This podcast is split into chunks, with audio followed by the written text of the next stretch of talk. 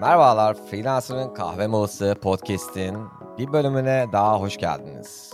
Bu podcast'te bendeniz Ali Özbay ve co-hostum Mehmet Turan'la freelancer olmanın incelikleri hakkında konuşuyoruz. Bugün farklı bir bölüm.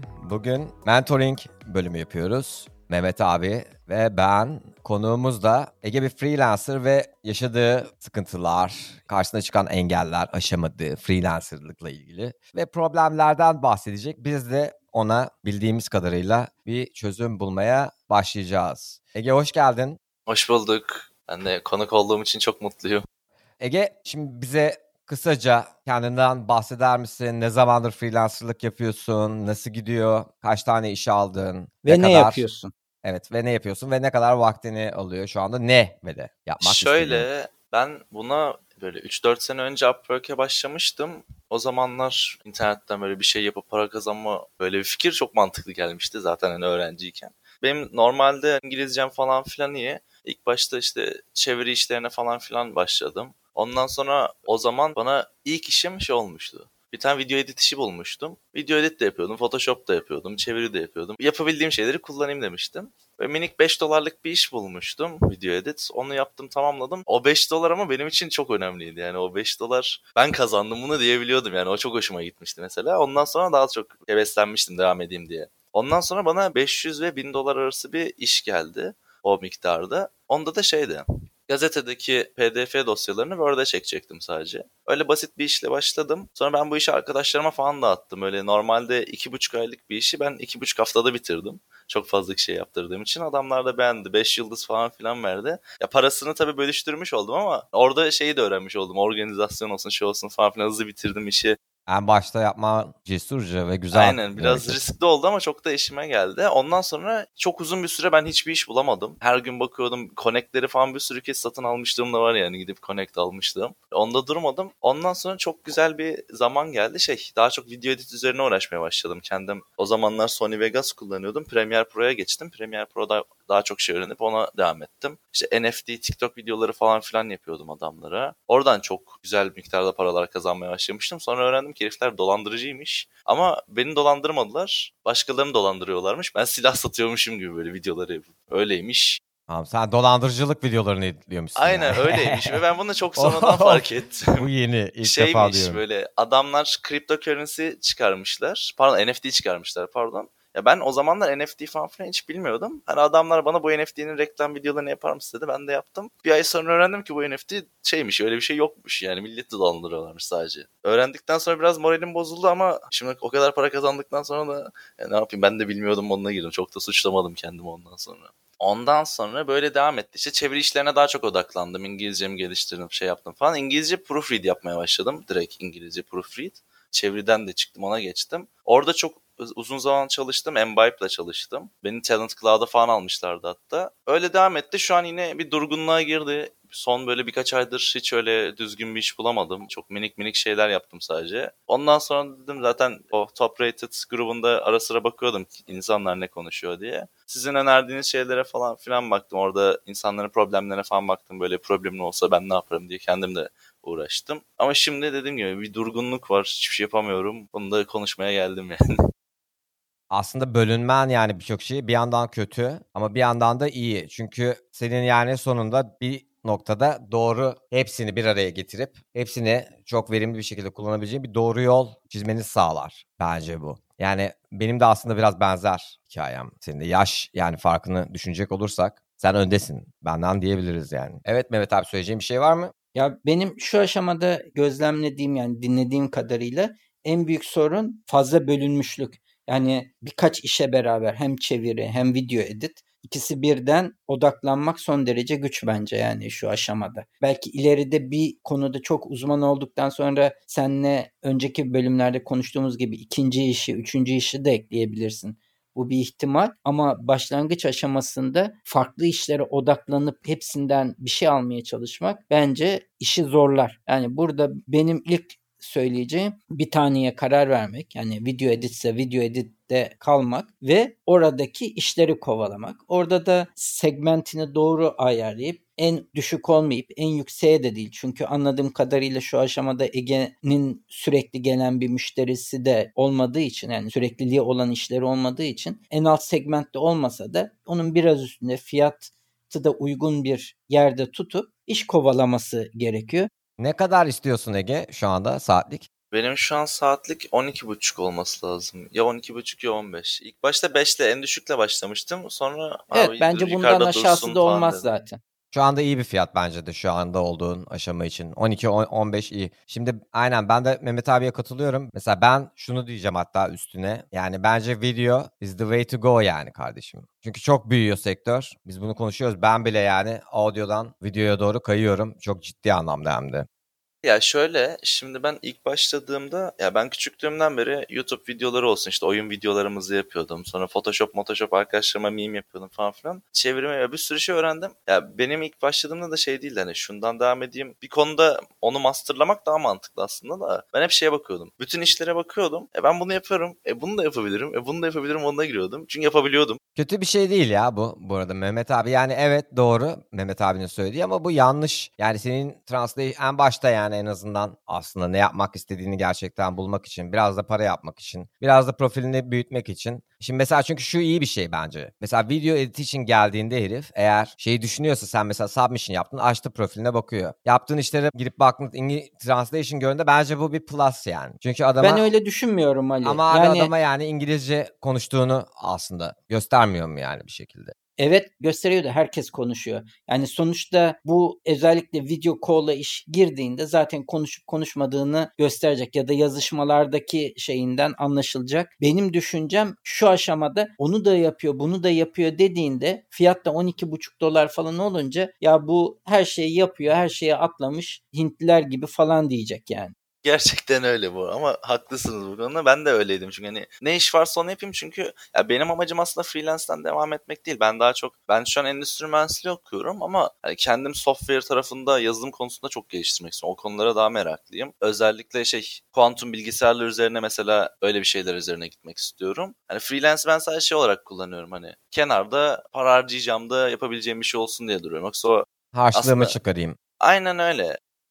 O zaman şunu soralım şimdi. Ne şu anda yani iş alamamak mı problemin? Bize biraz probleminden bahset. Yaşadığın problemlerden ya da. Ya eskiden mesela başvurduğumda en azından adamla konuşup mülakata geçemezsem şey yapıyordum. Şimdi direkt çok az iş geliyor. Ya bir ara mesela şeydi yani direkt bana iş geliyordu. Bana invite atıyorlardı. Şimdi o da çok azaldı ve şey yok. Ege en son profilini sen ne zaman değiştirdin? En son profilimi onu hiç yani bayağıdır ellemiyorum Invite profili. gelmemesinin en büyük şeylerinden biri bu. Profil güncelliğine çok bakıyor Upwork. Mehmet Eski abi profiller- pardon böleyim. Sen sonra devam et okey mi? Bir bu bir de iki çünkü unutuyorum abi çok özür dilerim. Sen connect harcadığında işlere başvurmaya başladığında direkt otomatikman invite gelmeye başlıyor. Çünkü algoritm seni yukarıya çekiyor connect harcadığında. Evet abi devam edebiliriz. Şu profil konusunu konuştuk zaten ama bir üzerinden geçelim bence. Profil çok önemli. Profili hatırlamıyorsun bile ne zaman yaptığını. Profilini güncellemen lazım. Yeni portföy eklemen, çıkartman lazım. Bunları yapmazsan Upwork diyor ki bu kişi çok ciddi ilgilenmiyor diyor. Aynen Ali'nin belirttiği gibi belli bir süre connect harcamazsan gene düşürüyor senin. Artık search'lerde çıkmamaya başlıyorsun. Yani bunların hepsi yani para harcamayan kişi benim için önemli değil diyor. Bu gruplarda da görüyorsun. Şimdi 6'dan 8'e çıkarttılar. İyice piç ettiler ya. Yani iyice yükseltiyorlar. Yani insanları harcayanlarla iş yapmak istiyor. Harcamayanlarla işim olmaz diyor kısaca Upwork. Başka bir şey bulana kadar böylesin. Yani onun kurallarını ya kabul edeceksin ya da işte o zaman bulamıyorum, invite gelmiyor diyeceksin. Bana günde bir tane geliyor. Kabul ediyorum etmiyorum değişiyor da. Ortalama benim günde bir invite'ım var yani. Ki dediğim gibi benim şu anki hourly rate'im 80 dolar gözüküyor. Siz ne yapıyordunuz bu arada? Ben onları da merak ediyordum. Hani genel sizin masterlaştığınız işler hangileri? Benimki görsel yaratım üzerine. Reklam görseli yaratmak üzerine. Benimki de ses ve video. Bak şimdi mesela bu profil muhabbetini eğer merak eden varsa Upwork'ta algoritma hileleri profilli aramalarda en tepeye çıkarmanın incelikleri diye bir bölümümüz var. Buraya geri dönüp dinleyebilir. Bu Mehmet abinin keşfi üzerine aslında ortaya çıkan bir şey. Mehmet abi böyle şeylerin çok on top of it yani. E, profilini dolduruyorsun kısaca. Güncelliyorsun, bir kitap değiştiriyorsun. yazıyorsun profiline. Sadece ilk paragrafa müşteriyi kopartacak şeyleri yazıyorsun. Ondan sonra ise hepsi algoritma için. Yani bütün ne kadar gereken keyword varsa hepsini kullanıyorsun, kullanıyorsun, kullanıyorsun cümleler içinde. Tabii otentik cümleler olmalı vesaire vesaire. Ve profilin Mehmet abinin abi yüzde kaç yüz? Yani yüzde 300 falan arttı invite oranı mesela bunu yaptıktan sonra. Ben hala yapmış değilim ama yapmam gereken şeylerden bir tanesi daha bu benim de. Ve her iki ayda bir falan profilini değiştireceksin. Yani her şeyini değiştir demiyorum. Bir paragraf ekle bir paragraf çıkar. Yeni bir şey yaptıysan onu anlat. Bir başka paragrafı çıkart. Profiline yeni bir görsel ekle. Yani bunlara bakıyor Upwork. Bunlar olmadan yeni bir invite alman, o üstlere çıkma, önerilmen çok zor hale geliyor. Aynen öyle. Çok önemli. Algoritmalar artık Upwork'ta çok büyük bir rol oynuyor. Bu bir şey. Bir de iki. Şimdi şöyle bir problem de var ama son zamanlarda yani özellikle Ege'nin seviyesinde olan freelancerlar gerçekten iş almakta çok güçlük çekmeye başladılar. Çünkü çok daha fazla freelancer aldı Upwork. Çünkü freelancerlardan direkt yani freelancerları affedersiniz bilmem ne yapma üzerine bir sistem şu anda kurdukları için Gelsin sıkıntı... connect harcasın.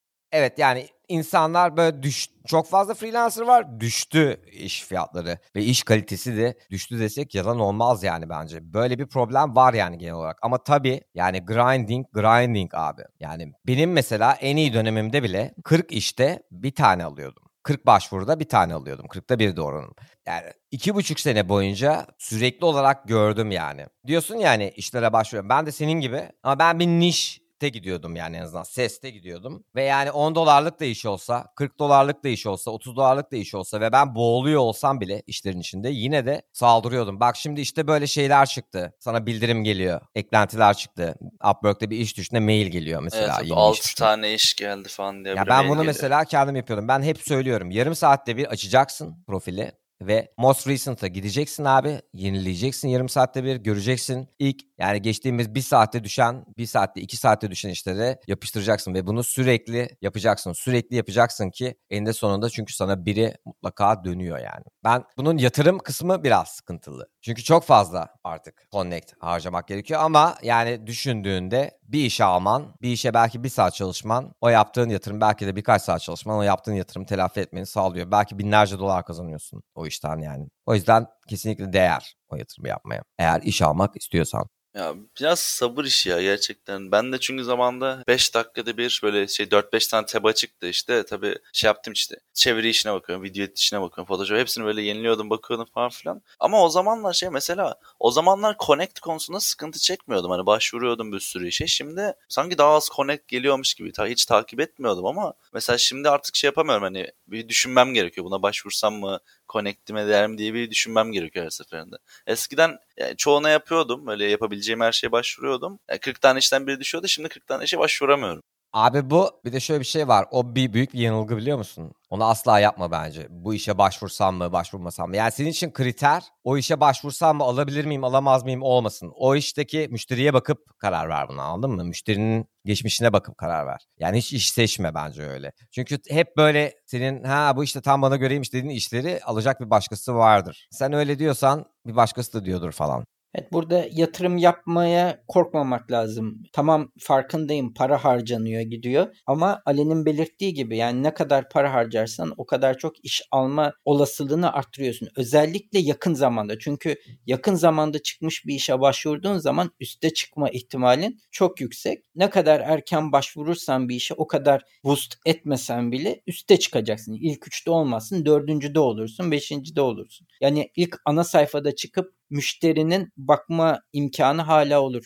Aynen bu Google Search gibi insanlar baktığında Google'da bir şey search ettiğinde birinci, ikinci, üçüncü sayfaya geçen var mıdır bilmiyorum bir şey Google'da search ettiğinde. Yok İnsanlar, bence. Çok İkiye bile tıklamıyor kimse. Yani o yüzden üçüncü sayfa bir şey ifade etmiyor. ikinci sayfa bile düşük ihtimal. O ilk sayfaya girmek çok daha kritik. Eğer o işin bir potansiyeli olduğunu inanıyorsan o yatırımı yapacaksın. Türkiye'de insanların genel şeyidir. Bu yatırım yapmaya hep çekinirler. Yani bir şey satın almak gerektiğinde örnek veriyorum bir AI tool kullanmak çok hoşuna gidiyordur. Ama para vermek içinden gelmez. Yani Grammarly senede 100 dolar der. Hep kullanıyordur Grammarly'yi. Ay bu 100 dolar verilmez der. Almaz. Senede bir bir de. Veya da işte bir program vardır kullandığı satın almaz ama para kazanıyor. Öğrenciyken Photoshop korsan alırsın ama bana göre artık bu işten para kazanıyorsan Photoshop'u da kopyasını kullanmada al. Bir de onun crack edeceğim diye uğraşacağın zamana yazık.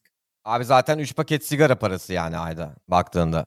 Ya ben onu şeyde çok yaşadım. İlk ben de mesela öğrenciyken falan filan tabii böyleydim. Hala böyle olduğum çok konu var. Sonra mesela büyük bir iş tamamladıktan sonra en azından birkaç bin lira kazandıktan sonra kendim açık olarak şey yapıyorum mesela. Normalde oyunları crack indiriyordum. Artık ben de para vereyim yapımcıya bir katkım olsun diye düşünmeye başladım o parayı. Kendim kazandıktan sonra öyle düşünebilmeye başladım. Ve böyle yaptıktan sonra hani daha bir şey hissettim yani. Kendimi de iyi hissettim yani. Gerçekten. Kardeşim ben yılda 1 milyon doları geçtiğimde o zaman giderim Ableton'a ve Isotop'a derim ki alın kardeşim size beşer bin dolar. iki tane alıyorum. Ama o gün o gün o gün yani. Çünkü 2000 dolara program mı olur kardeşim? Bir de her sene yenisini çıkarıyorsun. Dalga geçiyorsun herhalde. Adam diyor ki kendi röportajında diyor Ableton'ın CEO'su. Ya diyor işte çok korsan kullanıyorlar sizin programınızı. Alan alıyor zaten diyor. Yani bizim için iyi reklam falan diyor herif. Ya adam için okey anladın mı? Yani Ya ama bir mesela kişinin alması 10 kişinin almasına değiyor zaten. ama mesela Photoshop'u yani ben son demine kadar denedim. Ben biraz pisliyim ya bu konuda. Hani son demine kadar denedim. En son artık Photoshop yakalıyor crackleri. Ve seni diyor ki kardeşim diyor gel bak bir de böyle bir teklif çıkıyor karşına. Diyor ki gel diyor kardeşim bak sign up. Çok da yani aslında affordable bir şey bu. Yapabilirsin falan. Ancak öyle yaptık yani. Herkesin kendine göre bütçesi var. Bana göre benim bütçemi karşılayan bir şey. Ben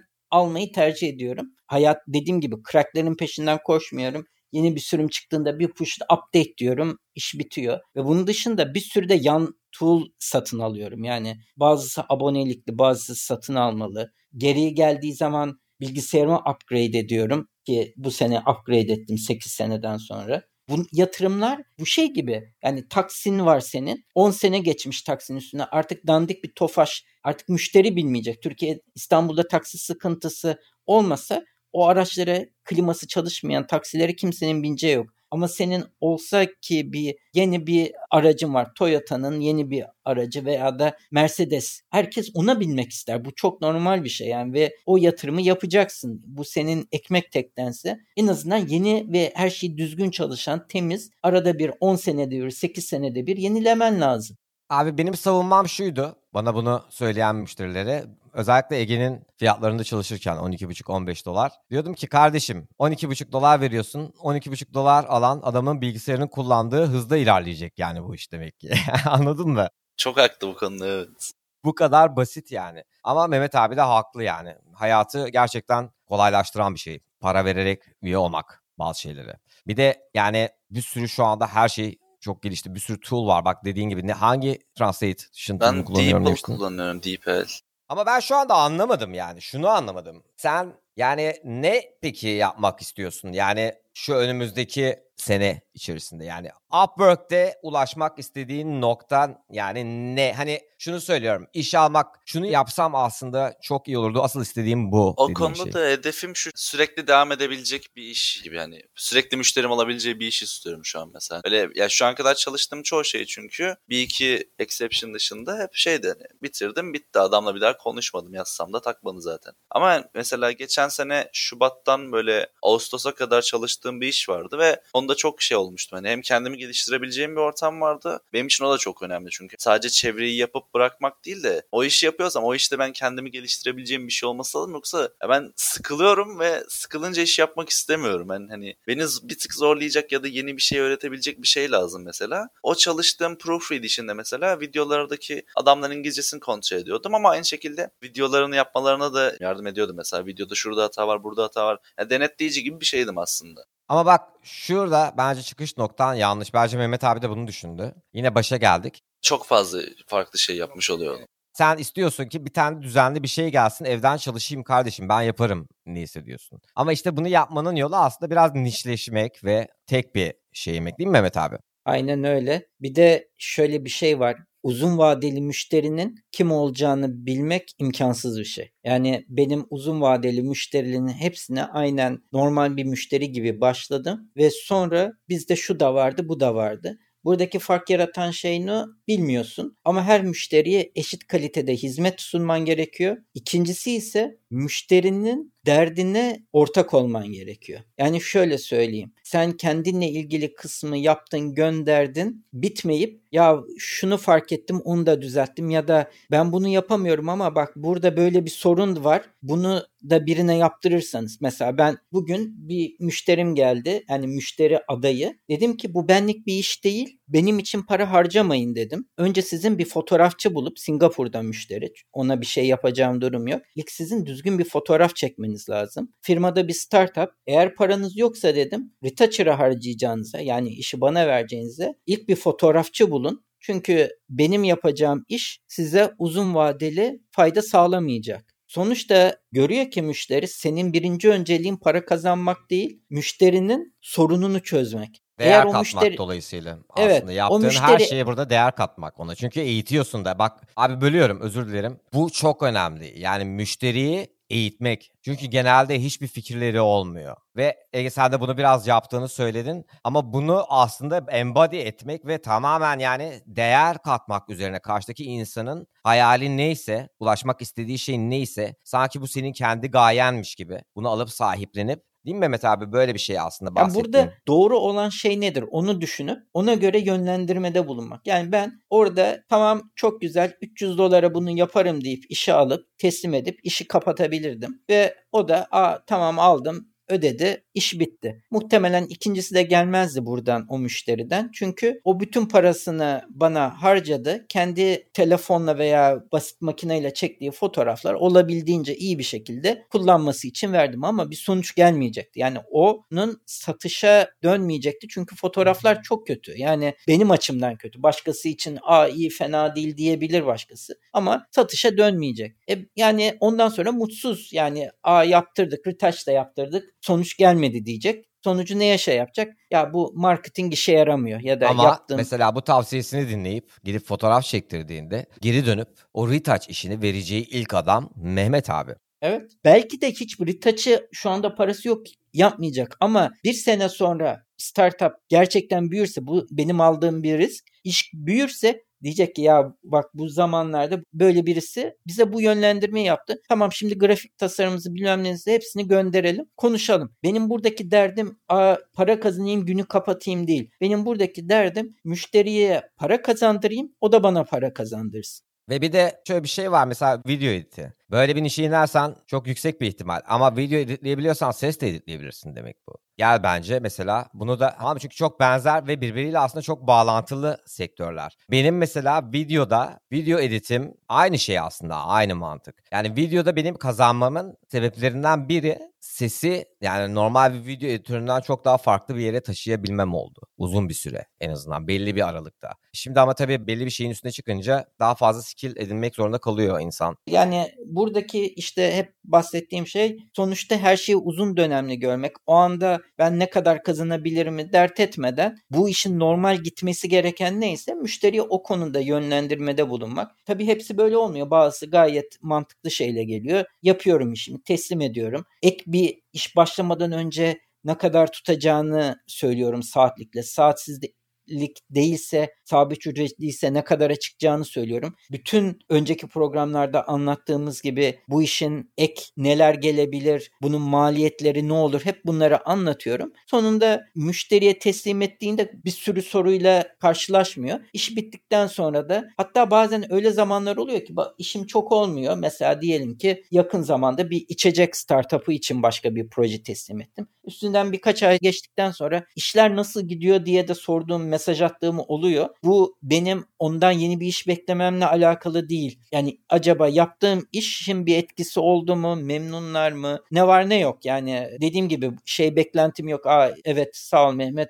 ama yeni şu anda işimiz yok. Ben onu sormuyorum zaten. İş nasıl gidiyor? Yaptığım şeyler işe yaradı mı, yaramadı mı? Sonuç ya yani o müşteriyle bir iletişimi sürekli devam ettirmeye bağlı. Ondan sonra aklında arada bir olduktan sonra gelirse gelir. Dediğim gibi bunun bir yazılı kuralı yok. Şu şekilde müşteri hep seninle olacak, seni devam ettirecek tarzında. Ya benim bu konuda şey. Ben mesela ilk başladığımda da video editlerde özellikle ya bir müşterinin istediğini yapıyordum. Bir de ya benim istediğim ya ben yapıyorsam çok güzel olması moduna giriyordum. Çünkü ben mesela müşterime hep şey diyordum. Şöyle şöyle şeyler de yapabiliriz. Daha çok izlenmesine sebep olur. Bu kitleye de hitap edebilirsin falan filan. İş yapmanın dışında biraz da şeye düşüyordum. Ya tabii benim haddim değil şimdi adama ne Bu yapması senin gerektiğini süper. söylemek. Hayır. Bu senin haddin. Neden biliyor musun? Çünkü sen Z kuşağısın. Senden daha iyi anlayan hiç kimse yok bunu. Ben bile dahil olmak üzere. Bir YouTube videosunda ne işe yarar? Bunu en iyi anlayan sensin. Ya Anladın ben şimdi mesela adama diyorum ya, abi ben 19 yaşındayım diyordum ya 2 sene önce ve şey hani ya benim yaşıtlarım bunları bunları seviyor böyle böyle yapalım diyorum adam şey diyor yok sen benim dediğimi yap diyor. Şimdi bu kadar ben her müşteri de şey yapıyordum özellikle söylüyordum çünkü bunu daha iyi yapabiliriz diyordum ama hep beni şey yapıyorlardı böyle. Ne yapacaksın biliyor musun? Sen böyle bir şey yapacaksın olduğunda? diyorlardı. Ben mesela abi bak o aralık var ya 5 dolar 20 dolar aralığı. Abi o çileyi çekeceksin. Ama gideceksin yapacaksın. Senin adamın istediğini de yapacaksın.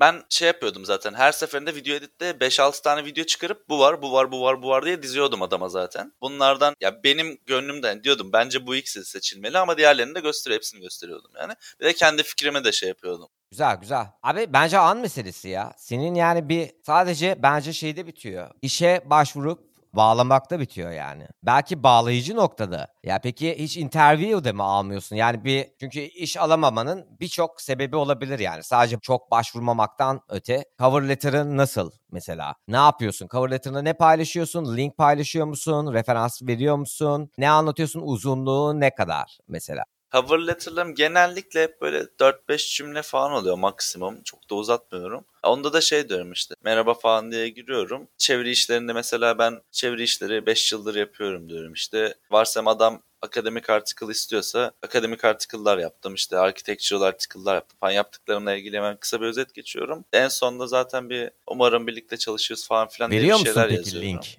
Ama link olarak. hiç öyle link olarak zaten profilim var diye hiç öyle bir şey yapmadım. Tabii ki de vereceksin. Hayatını kolaylaştıracaksın abi insanın. Bak müşteriyi kazanmak orada başlıyor. Cover letter'da. Profilinde değil. Çünkü adamın oradaki o convenience'ı veriyorsan adama orada tıklayabileceği bir link veriyorsan adama çat diye senin profiline girip de bakacak değil. Çünkü herkes diyebilir. Ben şimdi diyebilirim ki ben Hollywood'da Black Panther'ı benim editörüm, montajını ben yaptım diyebilirim yani. Anlatabiliyor muyum? Ya girip evet bakmasına bakar sonuçta. Ama anlatabiliyor muyum? Çok havada. O yüzden çok önemli. Mesela evet yazacaksın bunları. Bunları yaptım, bunları yaptım. Mesela bakın yaptığım işlerden bazıları şunlar. Pat pat link projenin adını yazacaksın, yanına linki yapıştıracaksın. Projenin adını yazacaksın, linki yanına yapıştıracaksın. Attachment Ben- da olarak da Video ekleyeceksin. editlerde attachment olarak portfolyodaki 2-3 video yani mesela o video ile ilgili yaptığım benzer şeyleri portfolyoya ekliyorum da hani link olarak hiçbir şey mesela koymadım. çok. academic writing diyor ya iş örneğin. İş bu. Bir mesela attachment olarak writing'de en azından şunu yapabilirsin. Alırsın abi bir dosya, yapıştırırsın bir paragrafını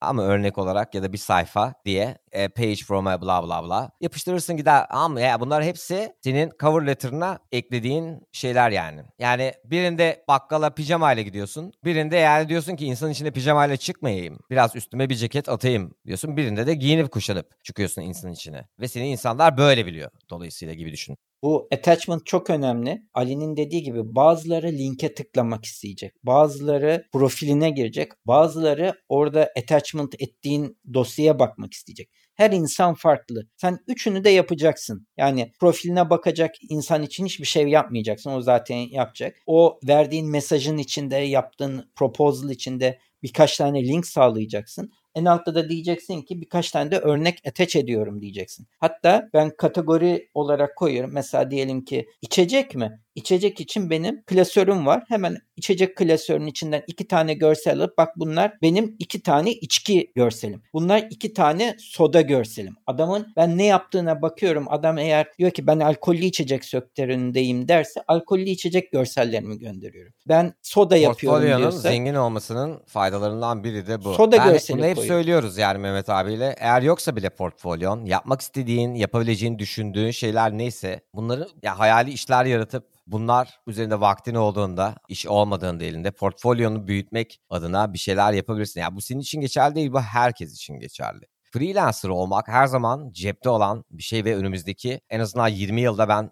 hiçbir yere gideceğini düşünmüyorum. Daha da büyüyecek yani. Hani her şeyi yaparken bir sistem uyguluyoruz değil mi hepimiz? Yani sen çeviri yaparken bir sistemin var. Mehmet abi işte Photoshop'la uğraşırken ya da ben sesle uğraşırken. Bütün parçalar bir araya geldiğinde çok iyi yapmaya başlıyorsun. Ve aslında sen orada yani yaptığın şeyi çok çok iyi yapmaya başlamıyorsun. Sadece parçaları daha iyi bir araya getirmeye başlıyorsun. Ve yani sen diyorsun ki bak ben şey olmak istiyorum. Başka bir şey söyledin. Tam endüstri mühendisi olduğunu söyledin. Neydi yapmak istediğin? Ya ben hani software üzerine gitmek istiyorum şu an Aynen, basitçe. software genel üzerine olarak. gitmek istemiyorsun. Yine aynı şey anladın mı? Yani burada bu sana yani daha fazla belki de ciddiye alman gerektiğini söylüyorum. Belki bu kariyer değil istediğin ama daha fazla ciddiye alırsan bu sefer ciddiye almayı da öğreniyorsun çünkü. Ve ciddiye almayı öğrendiğinde bu sefer işte o software şeyi zaten hayat seni alıp oraya götürüyor sen onu istedikten sonra. Oraya doğru çünkü adımlar atıyor oluyorsun bir yandan da. Anladığım kadarıyla bir de çok aslında iyi yapıyorsun işini. Özeniyorsun, müşteriyi mutlu etmeye çalışıyorsun. Birçok şeyi de doğru yapıyorsun. O biraz dediğin gibi Z kuşağı şeyine ya ben çünkü adam bir iş var diyor ben diyorum ki bu işi daha da iyi yapabiliriz diyorum ama o hayır sadece iş yapılsın diyor. Böyle çok fazla yani mesela, Mesela 10 anladın mı? 20 daha iş fazla olduktan para sonra vermek istemiyor olabilir.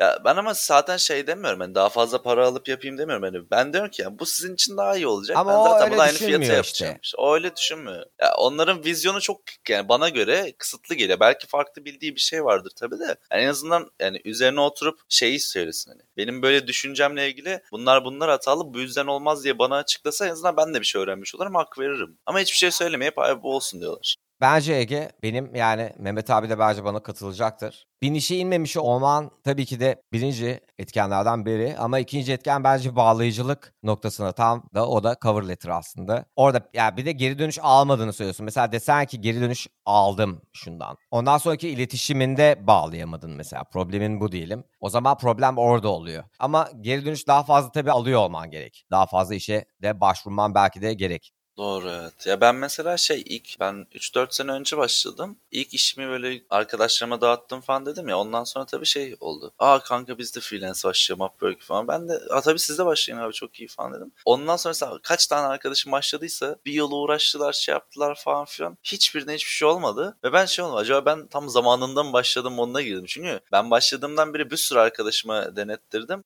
Abi hiç öyle iş şey bulamıyorum. yok ya. Ben buna inanmıyorum abi. Grinding, grinding. Şimdi sen bunu herkese söylüyorum. Yani böyle senin yaşlarında olan ya da işte iş bulamayan. Yani abi bak git ama 5 dolara verdiğinde fiyatını senin inanılmaz bir competitive advantage'ın var. Yani inanılmaz bir avantaj veriyor. Çünkü bir sürü cimri herif var. Hep var yani bu. Git bak yani adama 250 bin dolar harcamış. Adam 5 dolar harcamış anladın mı? 250 bin doları. Düşün. Ve hala abi adam 5 dolar 5 dolar veriyor. Ama bir freelancer gidiyor bir freelancer geliyor. Adam bir stage çünkü freelancerlar için. Orada kalan da kalıyor. Onlar da bilmiyorlar çünkü nasıl büyüyeceklerini, nasıl ileriye taşıyacaklarını. Bunu herkese söylüyorum. Bu senin yani gidip bağlayamamış kimse bilmem ne. Bunlar hep hikaye abi. Kovalayan bağlar ya. Bu kadar basit yani. Gidip eğitirsin kendini. Gerçekten bilinçli bir şekilde bunu yapmak istiyorsan. Bir sürü kaynak var. Anladın mı? Gidersin edinirsin o kaynakları. Gidersin podcast dinlersin. Makaleler okursun ve doğru şekilde ondan sonra da profilini açıp kovalamaya başladıktan sonra oradaki şeyleri uygulamaya başladıktan sonra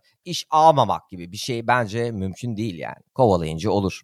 Ya o mesela bir işi masterlama konusunda da ya ben mesela şu an yaptığım bir sürü farklı variety of şeyler var yani evet de ben mesela şey istiyorum hani dediğim gibi hedefim software falan filan. Mesela hani bunu öğrenip Upwork'te bunun üzerine işler yapıp direkt ben bunda masterlaşmak istiyorum mesela. Onu da ben şey düşünüyorum şu an kadar video edit olsun mesela Photoshop falan filan şey. Ya ben işleri yaparken çok daha fazla öğrendim onu da fark ettim ve çok eğleniyordum. Gerçekten ne hobi olmuştu artık hani parası için değil de adamın bana verdiği iş beni zorluyordu. Ya bunu nasıl yapacağım diye kendim araştırıp öğrenmem gerekiyordu ve ben işte yani ben bir iş yapacaksam ben böyle yapmak istiyorum onunla girmiştim. O zamanlar çok zevkliydi benim için. Ege sen senin yaptığın işlerde iş alanların profillerine hiç baktın mı? Hiç aklıma bile gelmedi bakmak.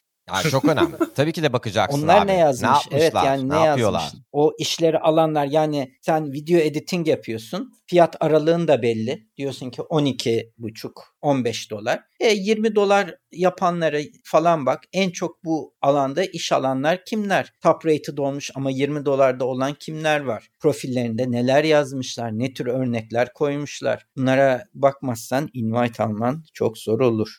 Aynen. Çünkü bu günah değil. Yani orada başarılı olan bir şeyi alıp oradan başarılı olan bir şey alıp, oradan bir şey alıp hepsini abi alıp böyle onu işte implement edip bu seni zaten diyorsun ya gelişmeyi seviyorum, büyümeyi seviyorum. Bu seni büyütüyor, geliştiriyor. Birinci profilini düzelteceksin. İkinci maillerini, yaptığın teklifleri nasıl daha etkili hale getirebileceğini düşüneceksin ve bu konuda belki işte bu, o project attığın proposal'ları daha işte örnekleri ekleme, linkler verme ve direkt o adamın bam teline dokunacak mesajı nasıl verilir mi düşüneceksin. İkinci aşama. Üçüncü aşamada sana döndüklerinde onları bir video call'la ikna edeceksin.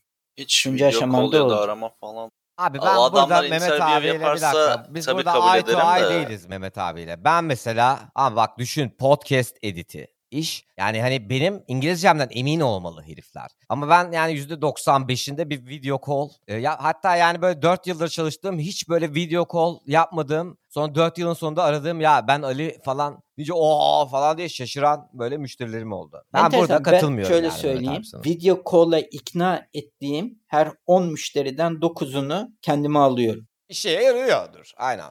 Yani orada çünkü sen bir samimiyet kuruyorsun. Bir şey oluyor.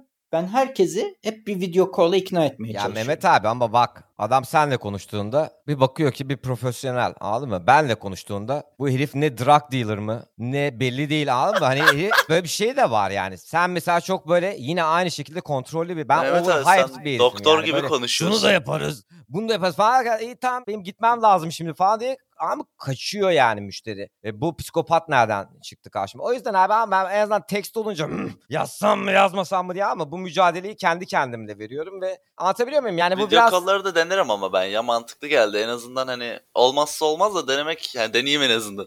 Ha, tabii, Onda tabii. Ben 9 benim giyindiyim yani. ha. Video call'la ikna ettiğim her müşteri benim için neredeyse alınmış müşteri gibi oluyor. Bir de ben son bir şey söyleyeyim. Eğer video yapmayı, conf call yapmayı üşeniyorsanız Loom benzeri opsiyonlar var. Loom'u biliyor musunuz? Zoom'u Video record alıyorsun. falan. Evet video record alıyorsun. Şimdi bunun avantajı ne? Şimdi eğer müşteriyle diyelim ki birebir video call'a ikna edemediniz. Çok meşgulüm falan dedi. O zaman yapabileceğim bir şey mesela adamın diyelim ki bir brief'i var vesaire. Ekranınızı Photoshop'ta onu açıp bunu böyle şunu şöyle yapabiliriz. Bir saat yazmak yerine 5 dakikalık bir video çekip hatta yüzünüz bile görünmez. Orada olayı anlatabilirsiniz. Bu şekilde de benim hedeflediğim çok nadir de olsa oluyor. Çünkü adam bir türlü video call'a ikna olmuyor ama ve yazışmaya da devam ediyor. Ama söz özellikle görsel alanda bir şey göstermek yazmaktan daha kolay. Yani ekran görüntüsü alma falan yetmiyor. Bak bunu buradan yaparız. ekran böyle paylaşımı. ekran paylaşımı. Onu kaydedip gönderiyorsun 3 dakikada. Çok daha etkili bir araç Hatta haline yani gelebilir. ben bazen kaydediyorum. Instruction gibi geri dönüp her zaman bir referans olarak kullanabileceği öyle bir şey gerekliyse eğer bunu bile yapıyorum yani ben. Evet kesinlikle bu etkili. Ama abi ben yine de mecbur kalmadıkça yapmıyorum yani bunu da. Ya ben mesela son aldığım bir çeviri işi vardı böyle 50 sayfalık bir çeviri işi vardı. Adam dosyayı attı bana konuştuk bunu yapacağız falan filan ama şeyi açmadı mesela. Activated the milestone gibi şeyler oluyor ya. Ben yap dedi sonra ben ilk sayfasına falan biraz baktım. Ertesi gün yazdım adama böyle böyle şöyle şöyle yapabiliriz falan diye. Adam cevap vermedi. Bir iki şey daha yazdım. Sonra adam cevap vermeyince direkt bayağı hani şey ne bileyim bıraktım yani. Çünkü o 50 sayfayı yapmış olsam adam zaten bakmıyor mesajlarım için. Upwork'ü kapalı yani Sonra ne oldu? Kaç iki gün daha yazdım. Sonra şey yapmadım artık. Saldım yani. Adam Dönmedi mi adam hiç sana? dönmedi. Hiçbir mesajıma dönmedi çünkü. En son yazdığı şey tamam şunu yaparsın diye dosyaya atmış olması yani. Abi bir şey söyleyeyim mi sana bak. Yani böyle çok özel durumlarda mesela ben dönemem. Çok böyle kafam kalabalık olduğunda dönemem. Ama eğer yani böyle müşteriler var gerçekten. Zaten iyi ki de olmaş falan. Şey Anlatabiliyor çünkü muyum? adamı da anlıyorum. Mesela benim gibi 50 tane adam mesaj atıyor olsa bakmaz yani. Gerçekten Yollamasın kardeşim 50 kişiye. uğraşmaz yani. Evet yollamaz.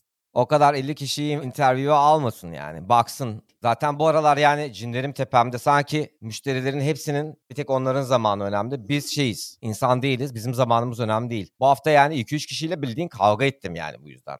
Ya adamlar Bir tane böyle kemik olarak birini artık. yolluyordum yani. Böyle abi o çizgileri çizmek mesela Mehmet abi yine bunun için çok iyi bir örnek. Bak ben o çizgileri hiç çizemedim. Ya günde 17 saat falan çalışmak da neyin nesi abi. Nereye kadar artık mesela almıyor vücudum. Mesela benim kaldırmıyor bunu ve ben bu tavizi verdiğim için şu anda problem yaşıyorum. Müşterilerimle. Hani o tavizi ver mesela Mehmet abiye bir adam gelip hafta sonu iş yapar mısın dediğinde iki katı fiyat çekmesi örneğin. Abi nokta yani. Ya da yapmaması. Hafta sonu çalışmıyorum. Business days. Çünkü herkes gidip ya bunlar Amerikalı. insanlar hepsi gidip tatilini yapıyor. Anladın mı hafta sonu? Ve sana da işte yığmaya çalışıyor vesaire vesaire. Yani hani aslında bu da değil söylemek istediğim. Yani o mesafeleri çizmek, müşterilerle daha net olmak çok önemli. O yüzden kötü bir de bu müşteri. Onun için ama yani o seviyeye gelmiş olmak lazım. Ben şimdi adama desem hafta sonu çalışmıyorum direkt başkasına olacak zaten. Yok. Her zaman öyle olmuyor. Her zaman öyle olmaz.